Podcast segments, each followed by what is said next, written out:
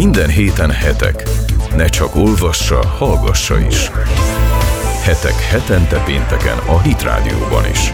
Következik a Hetek című közéleti heti lap aktuális ajánlata. Kedves hallgatók, ahogyan megszokhattátok, pénteken mindig ízelítőt hallhattok a hetek legújabb számából.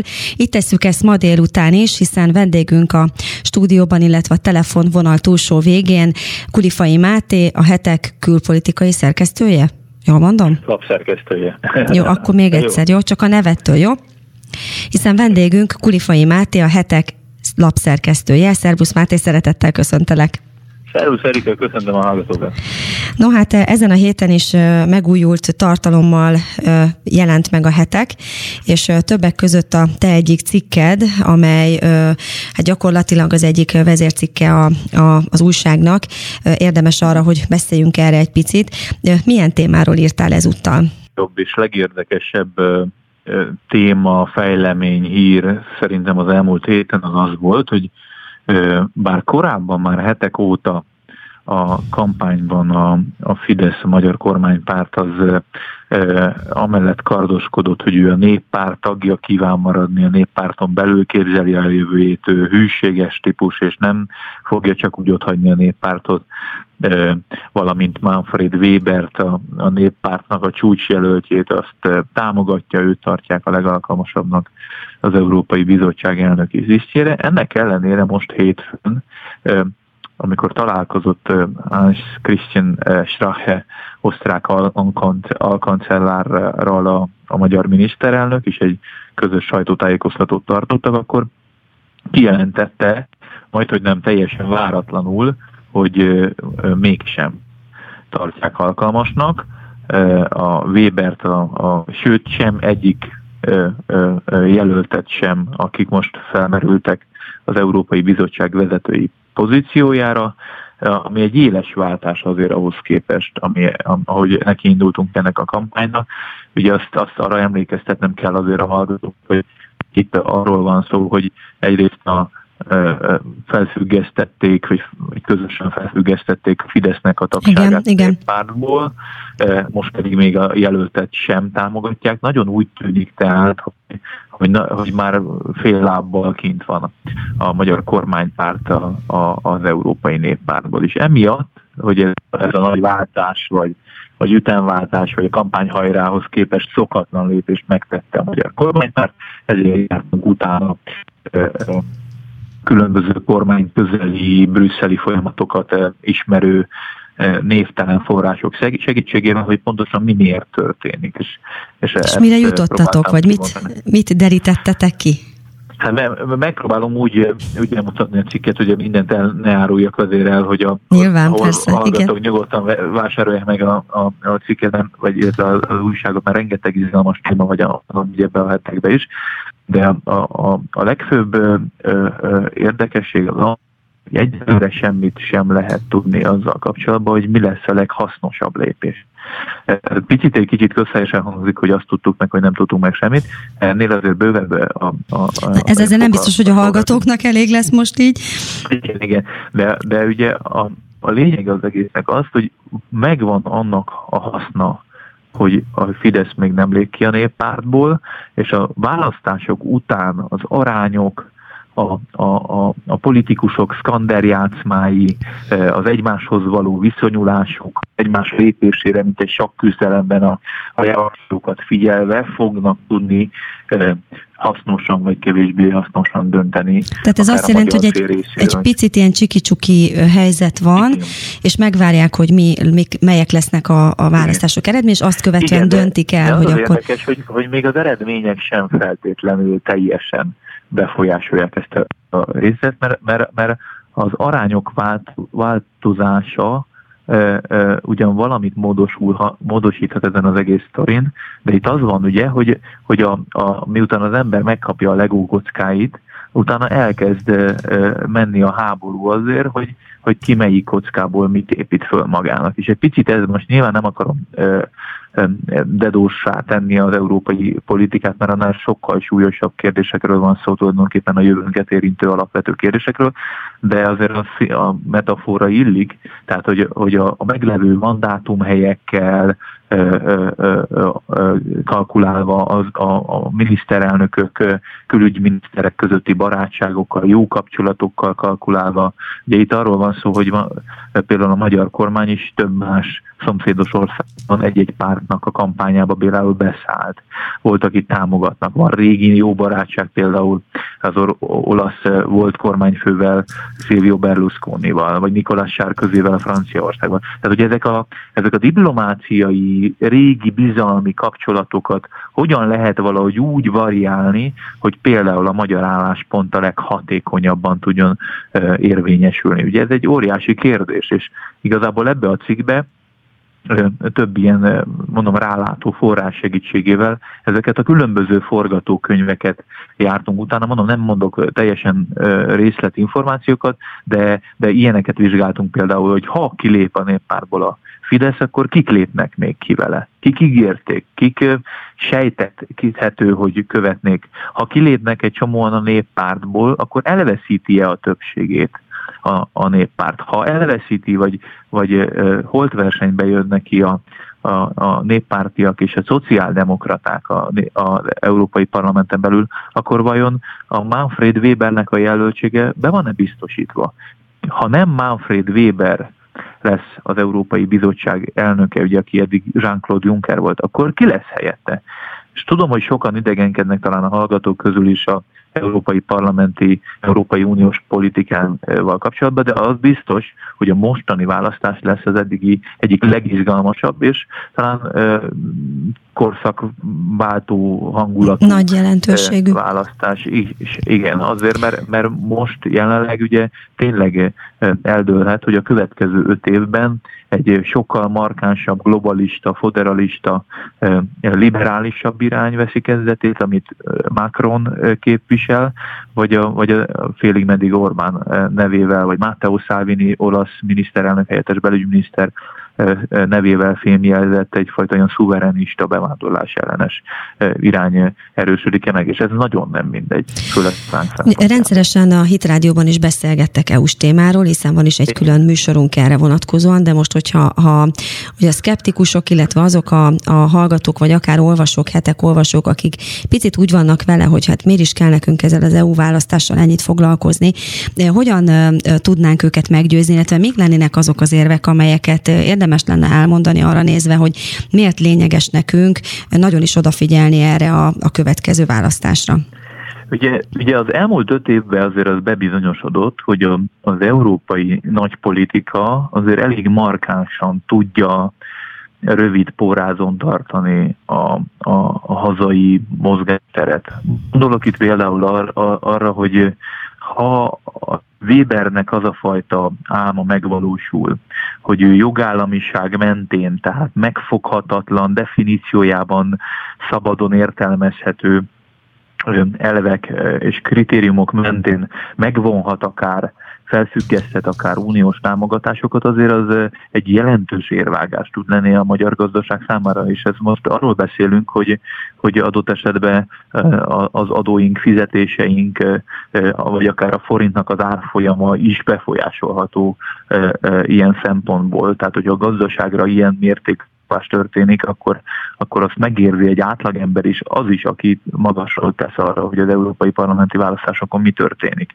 De gondolhatunk itt a bevándorlás kérdésére is, mert ha az elmúlt öt évben például ha valamiért ezt a, a magányos hős szerepét, most ez nagyon csúnya kifejezés, de nem tudok jobb szót most egyenlőre, nem veszi föl magára a magyar miniszterelnök is a határvédelem kapcsán, nem megy szembe az uniós narratívával, mert ugye 2015-ben még édes egyedül volt voltunk ebben a, a, a szempontból egész Európában. Igen, úgy tűnik, hogy ez az egyik legmarkánsabb kérdés, nem? Tehát, hogy itt azért egy nagyon ennek mentén is, nyilván ennek mentén is dőlnek el a különböző álláspontok.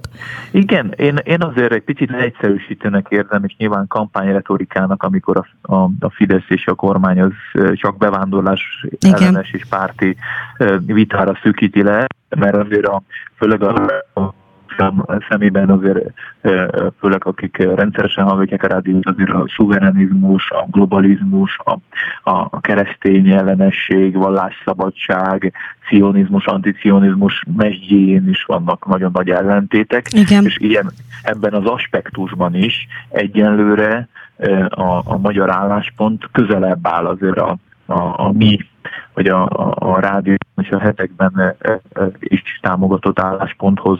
Szóval ilyen szempontból is azt kell mondanom, hogy, hogy a, a, az az irány, amiben most a néppárt eltolódik, illetve az Európai Unió csúcsvezetői picit tendál, az jóval rosszabb is lehet, mint ami eddig volt. Pedig olyan, eddig is olyan emberekről beszélünk, mint Jean-Claude Juncker, aki, aki azért pofozgatja a magyar miniszterelnököt, meg azért az ő regnálása alatt azért a, a britek kiváltak az Európai Unióból, a migránsválság azért elég komoly problémákat okozott, tehát egy kudarcos időszakhoz képest is elképzelhető, hogy egy még nehezebb, problematikusabb, nagyon nem véletlenül, hogy most például Nagy Szebemben a, a magyar miniszterelnök kifejezte, hogy hogy, hogy itt azért, hogy mondjam, tehát olyan kulcsfontosságú ez a, a, a választás, hogy itt most milyen vezetőket választunk. Ő nyilván ő most bevándorlás ellenes vezetők címszóval illette, de itt tényleg olyan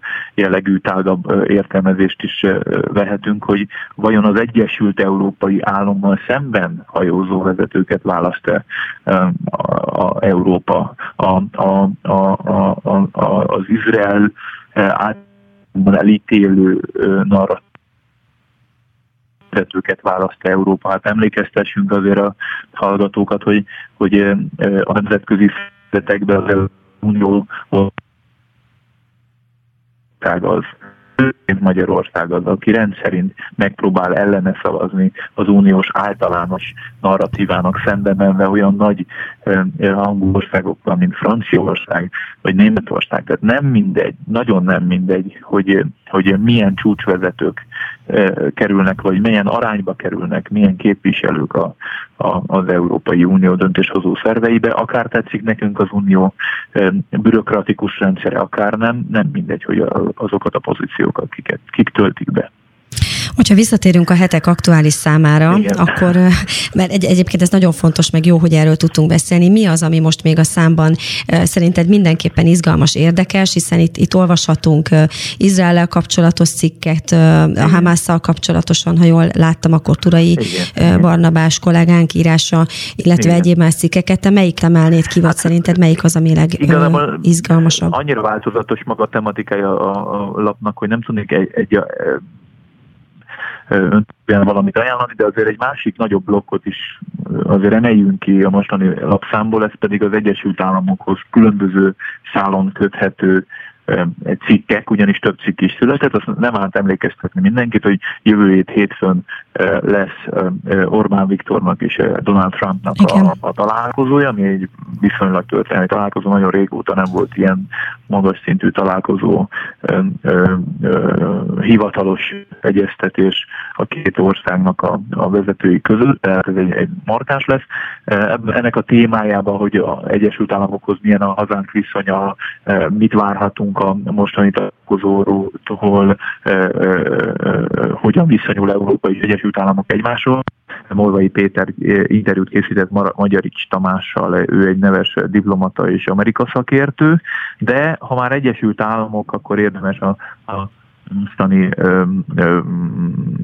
elnökválasztásnak egy-két kulcsfiguráját is megemlíteni, ugye nem, nem olyan rég a hetekben foglalkoztunk Joe Bidennek az élettörténetével, mint a Trump-al szemben induló egykor elnök, illetve legesélyesebb induló, de van egy érdekes másik szereplője is például az elnök választásnak, ez pedig így Buddy G, aki nyíltan homoszexuális, homoszexuális házasságban él, és egyelőre ő a harmadik legnépszerűbb demokrata jelölt aspiráns, aki ringbe szállt a Fehérház posztjáért, ami azért egy egészen markánsan új irányt fogalmazott meg az Egyesült Államokban, ahol hagyományosan általában minden megválasztott elnök általában kereszténynek mondja legalábbis magát, és, és ö, ö, ezt a, ezt a központi irányt követik. Most egy, most egy szintén magát keresztények mondó, de nyíltan homoszexuális agendát toló ember is beszállt